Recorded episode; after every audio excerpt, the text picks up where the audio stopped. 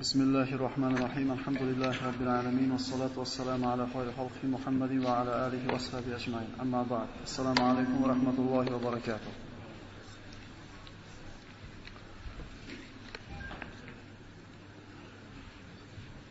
rizq sabablari degan darsimizdan kecha sizlar bilan istig'for va tavba degan mavzuda ko'rib chiqqan bo'ldik.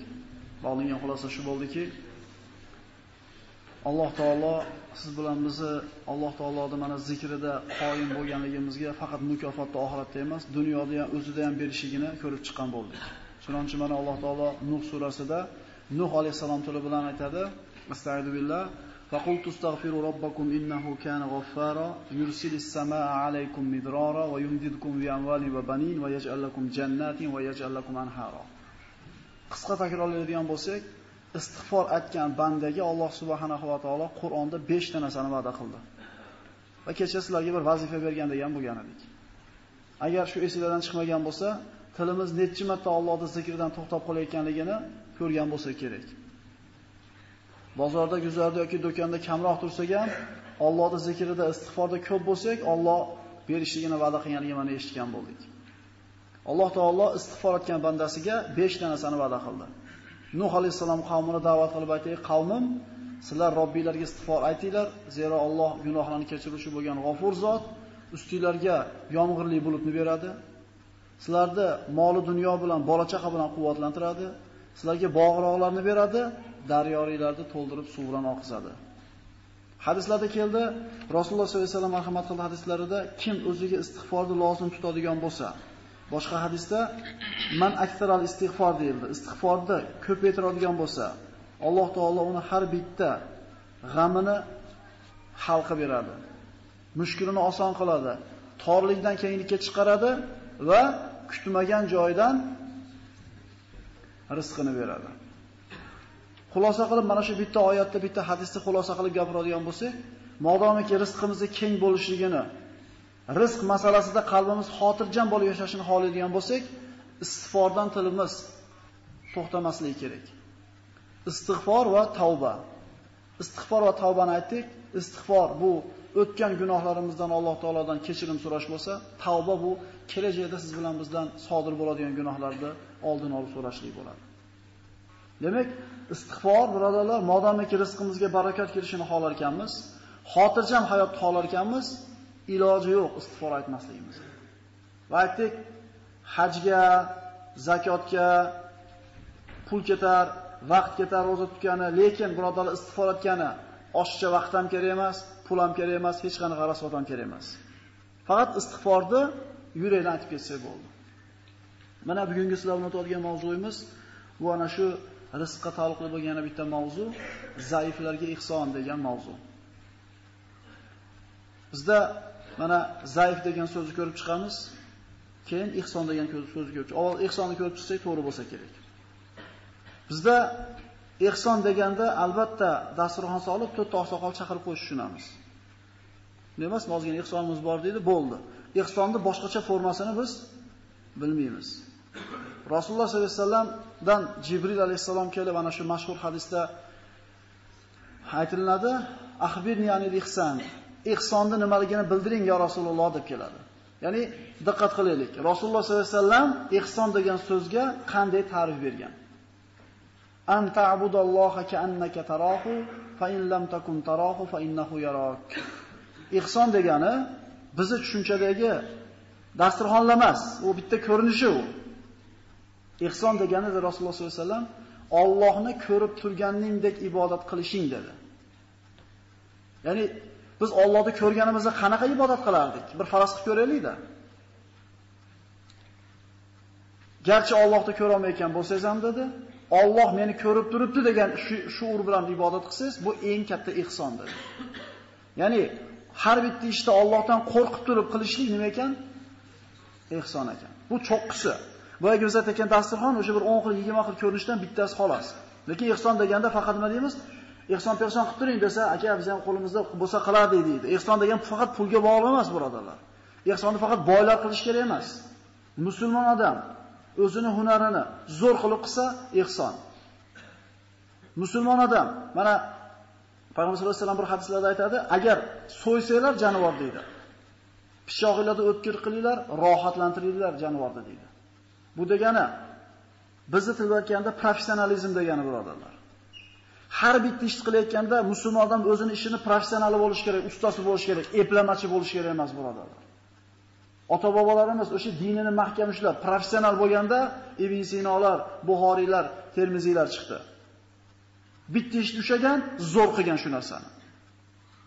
Endi men shu ishim ekan, shu eplab-seplab qilib qo'yay degan gap ketmaydi. Mashina ustami zo'r bo'lish kerak.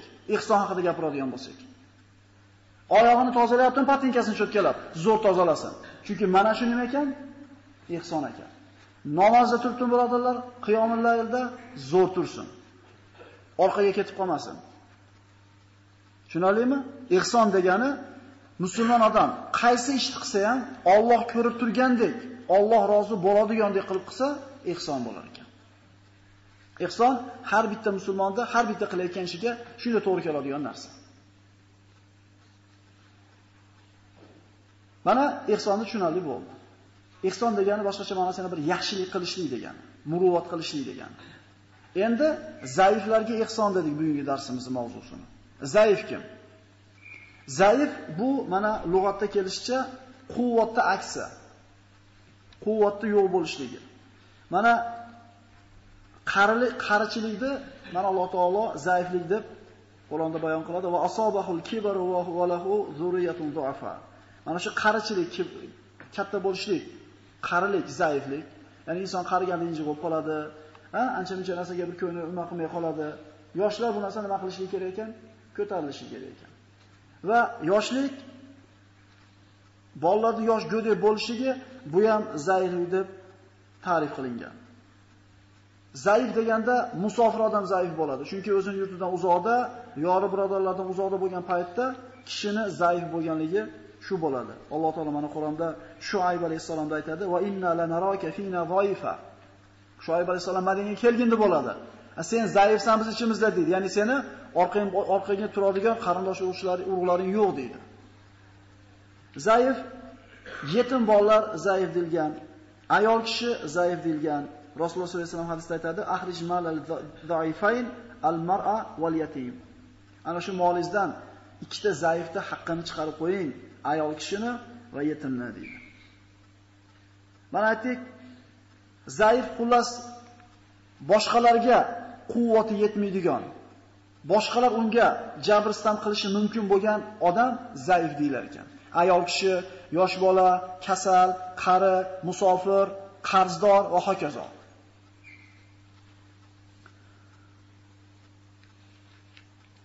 Kasallik zaif bo'lishi mumkin, bu shollik, ko'rlik yoki bo'lmasa boshqa bir kasallar. Odamlarning ichida shundaylar bo'ladiki, zaif deganda albatta kasal bo'lish kerak ekan, kambag'al bo'lish kerak ekan, qari bo'lish kerak ekan emas. Bir kishi sog'lom bo'lishi mumkin, lekin tabiati yosh bolan singari bo'lishi mumkin. Ya'ni arzimagan narsaga xafa bo'lib qoladigan, mana shu odamni ko'ngliga qarab muomala qilib qo'yishlik ihson deyiladi. Bir odam borki, jismonan baquvvat, filda gavdasi bor, lekin yuragi yo'q. Unga ana shu yuragiga qarab muomala qilishi ihson ekan. Ulardan bir kishi puli ham bor, quvvati ham bor, lekin musofirligi tufayli qarindosh urug'chilik aloqali yo'q tufayli zaif. Unga mana shu tomondan muruvvat qilinar ekan. Ihson deganda faqat bu akalar bu dasturxon solgan narsani tushunmaylik. Kasal Bu zaif deb aytdik. Unga qanaqa bir yaxshilik bo'ladi? Uni kasal bo'lgan paytda uni ziyorat qilib, shu kasali bilan Allohdan savob umid qilishligi kerakligini eslatib turishlik, holidan xabar olishlik bilan bo'lar ekan. Qarang, kim qaysi masalada zaif bo'lsa, shu masalada unga yaxshilik qilib qo'yishlik ehson ekan. Tushunarlimi? Ya'ni bir odamni toqati ko'tarmaydigan narsaga buyurishlik ham unga ehson emas ekan. Toqatiga qarab muomala qilishlik ehson hisoblanar ekan. Bir kishi ayoli ovqatni yaxshi pishira olmasligi mumkin. Boshqa ishlari zo'r, uyini toza tutadi, itoatkor, lekin mana shu masalada nima? Nima qilish kerak ekan? Kechirib qo'yish kerak ekan. U atay qilmayapti u. Yoki aksincha, qo'li shirin, xizmati zo'r qiladi, til yomon. Mana shu masalada zaif. Va qilmayapti, odam shuna qilib yaratganki, tabiati bor shunaqa. Mana shu tabiatini kechirib qo'yishlik unga qilingan yaxshilik hisoblanadi. Bir odam borki, yoningizda nima deymiz? Injiq. Hali u yoqmaydi, hali bu yoqmaydi. Agar beayb do'st qidiradigan bo'lsa, birodarlar, do'stsiz qolib ketamiz. Buni chapilab yurishi yoqmaydi, buni yonboshga o'tirish yoqmaydi, bunga qizlarni yoqmaydi. Xullas, agar qaraydigan bo'lsak, biz o'zimizda ham zaif tomonimiz ko'p. Ana shu zaif tomoniga birodaringizni avf qilasiz, kechirasiz, sabr qilasiz injiqligiga. O'sha do'stni yo'qotmaysiz.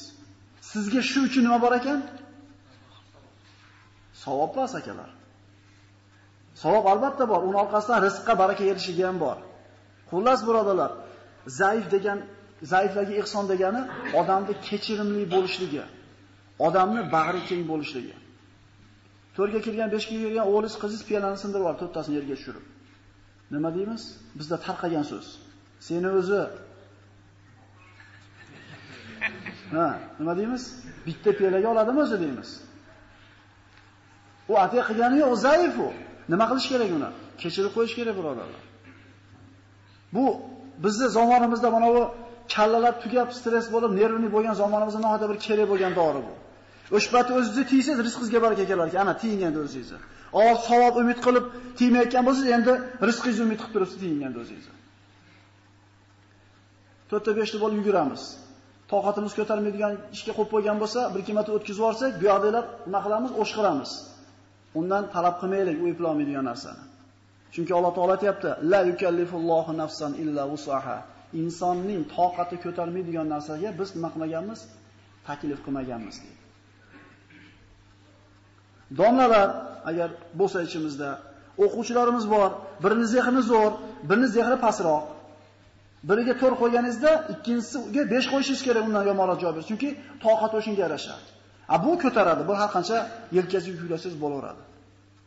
Odamlarda toqatiga yarasha muomala qilishlik, ularda ayblarni kechirib qo'yishlik zaifga ihson degan bobga tushadi, rizqimizga baraka kiradi, birodarlar. Mana Rasululloh sollallohu alayhi vasallam hadislarda aytadi: "Ibuguni inda du'afaikum." Meni deydi Rasululloh sollallohu alayhi vasallam. Alloh taolo mana hadislarda payg'ambar aytadi, Allohni zaiflaringlarni oldidan qidiringlar deyilgan. Ya'ni Allohning roziligini zaiflarni ko'nglini ko'tarishlik bilan, ularga ihson qilishlik bilan qidiringlar deydi. Mana bu kishi hadislarda keldi, o'zi qilgan gunoh tufayli kelayotgan rizqidan mahrum bo'lib qoladi. Va ana shu zaiflarga ihson qilishligi bilan rizqini barakatli bo'lishini o'zi ta'minlaydi. Bag'rimiz keng bo'lish kerak ekan. Bu qiyin bo'lib qolgan hozirgi zamonda. Hamma nervi tugagan, hamma buni kechira olmaydi. Hamma shu so'kinib turadi, bir baqir chaqir qilib turadi. Shu bilan rizqimiz tirtayar ekan, birodarlar. Mana Qur'oni Karimda Alloh taolo Qalam surasida bir qissani bayon qiladi bizga. Yamanda Yamanda katta bir bog'da egasi bo'lgan bir boy kishi bo'lgan. Bu bog'da egasi har yili mevasi pishgan paytda bog'ini 3 dan 1 qismini mevasini kambag'al bechoralarga tarqatadigan bo'ladi. Ya'ni yetim bechora kambag'al miskin odamlarning haqqini chiqarib beradi bu bo'lmasidan u kishi vafot etib, ha, nimalarda kelishicha bir juda katta bog' bo'ladi. Juda katta bog'. Farzandlariga qoladi bog'. Uchdan birini kambag'al yetimlarga yediradi, Alloh taolo ziyoda qilib beradi yildan yilga. Birodar, mana zakot degan e, vaqti kelyapti. Ba'zi bir birodarlar Ramazonga to'g'rilab beriladi, savobi ko'proq bo'ladi. deb. Zakot degan so'zni lug'aviy ma'nosi keladi, unib o'sish degani. Ya'ni sen xiradan birini bersang, qolganini men saqlayman deyapti Alloh. Yana nima qilib beraman? Uchdan birini berar ekan kambag'al bechoralarga bog'i zo'r ketyapti. Bu ota vafot qilganidan keyin bolalarni qo'liga o'tadi bog'. Aytishadiki, otamiz ahmoq odam edi bo'lgan, ahmoq odam edi deyshadi. Shunaqa katta bog'ni 3 dan 1 mevasini befoyda joyga sarflab yorardi. Biz unaqa qilmaymiz deyshdi. Bermaymiz deyshdi. Ya'ni ko'ringki, o'lchovlar buzilsa, Allohning buyrug'ini bajarishlik ahmoqlik deb o'lchanar ekan. Zakot beradiganlar bu berayotganinglarda Allohga berayotganinglar yo'qsizlar. Sizlar o'zingizlar uchun beryapsizlar bu narsani. Chunki ana shu berayotgan pulimizni ichidan ancha-muncha kirib qolgan harom xarish luqma aralashib qolgan bo'lsa, tozalanishiga sabab bo'ladi va unib o'sishligiga, baraka topishligiga sabab bo'ladi. Bu o'zimizni o'ylayapmiz, birodarlar. O'zimizga o'ylab beraylik. Alloh taolo bizga bergan zakotimizga, sadaqamizga yoki qurbonligimizga zor emas, muhtoj emas. O'zimiz uchun u. Mana bu bolalarni o'lchov buzilgan, nima qilamiz berib? Otamiz ahmoq odam bo'lgan edi. Berishmaydi. Bog'lar yotgan kechasi, o'tgandan keyin kechqurun bog'da mevasini terish kerak bo'lgan paytda maslahat qilishadi. Alla yadkhulanna halyam alaykum miskin. Ya'ni fantalaqu va hum yataxofatun bir-birini pichirab o'g'atishdi saharda. Ertaga uzamiz mevani, shunday bir e'lon qilmasdan uzaylikki, birorta kambag'al kirib bizdan bitta narsani olmasin. Biz o'zimiz yig'ib olib chiqib ketib qolaylik hamma foydasini deganga maslahat qilishi ertalab bir-birini Vahum yataxofatun pichirab o'g'atishdi. Ketdi. Nima qilmasin bular? Eshitib qolmasin. Bog'ga borishdi. Mana shu g'irashira qorong'ida borishdida inna. Bu bog' yo'q, topolmay qoldik bog'da dedi. Fatofa alayha toifun min robbika va hum naimun. Bular ana shu bog'da mevasini bermaslikni maslahat qilishdi, qasd qilishdi, niyat qilishdi, uxlashdi. Mana shu kechani o'zida ana shu bog'ni yonida katta bir tog' bo'ladi, g'or bo'ladi tog'da. Shu g'ordan bir o't chiqib, bir bog'da aylanib turib kirib ketadi. Fatofa alayha toifun min robbika va hum naimun. Birodalar, bu Allohning bog'i emasmidi bu? Allohning mevasi emasmidi u? Bizga ijaraga berilgan emasmidi u? Fasbahat kassarim. Daraxt kuyib, to'nkalari ko'mir bo'lib tutab-tutab qoldi. Bular sahar ushnatidan xabar uyg'onishdi, boqqa qarab borishdi, bir-birini pichir-pichir qilib o'tib borganda, qarasa bog'ni topisha olmadi. Biz yo'qotib qo'yibmiz u yo'lda. Biz adashib qolibmiz dedi. Ozgina tushgandan keyin kun yorishdi, bog'i kuyib kulgani qolganini ko'rishda Qalu ya vaylana inna kunna tog'in. Biz zulm qilib qo'yibmiz, haddimizdan oshib ketibmiz. Qala awsatuhum alam aqul lakum laula tusabbihun. Ichida bitta insonlik aytgan ekan. Qo'ylari otamiz qilgan ishni qilaveraylik deganda uni ham og'zini yopishdi, bilasanmi? Agar 3 dan 1 ni bermasak, necha prosentdan senga ham tegadi? Ko'proq foydani gapirishganda u ham xo'p deb qoldi. Uniki ham kuyib ketdi akalar. Ana shu 3 dan 1 ni mevasini berishligi, bog'ini o'sishligi, baraka topishligini bir kafolati emasmidi? Asa robbuna yubdilana khayran minha inna ila robbina ragibun. Kazalikal azab deyapti Alloh taolo. Azob mana shunday bo'ladi deyapti. Wala azabul oxirati akbar law kanu ya'lamun. Endi dunyodagi azob shunaqa, molini tortib qo'ydi deyapti. Endi oxiratdagi azob bundan ko'ra og'irroq bo'ladi agar bilishadigan bo'lsa. Xulosa. Xulosa zaif deganda quvvatda aksi. Yosh bola, ayol kishi, qariya, kambag'al, nochor odam. Qo'yingki sizni oldingizda quvvatsiz qaysidir bir tomondan. Shunga shu quvvatsizligini sabr qilib ko'tarib qo'yishligingiz unga qilgan ehsoningiz bo'ladi. Va unga qilgan ehsoningiz sizni rizqingizga baraka kelishiga sabab bo'ladi. Mana Rasululloh sollallohu alayhi vasallamdan hadisda keladi ibghuni fi du'afaikum fa innama tuzaquna va tunsaruna illa bi du'afaikum. Ya'ni Allohning roziligini kambag'allarning oldida istanglar, kambag'allarni rozi qilinglar, ularni bir ko'taringlar. Albatta sizlarga rizq ham, g'alaba ham zaiflaringlar tufayli beriladi. Shular duo qilar ekan, sizlarga mana shu kutgan narsalar keladi deyildi. Demak, birodarlar, tavakkul, taqvo, silay rahim, istig'for, zaiflarga ihson degan mavzularni gaplashib chiqqan bo'ldik.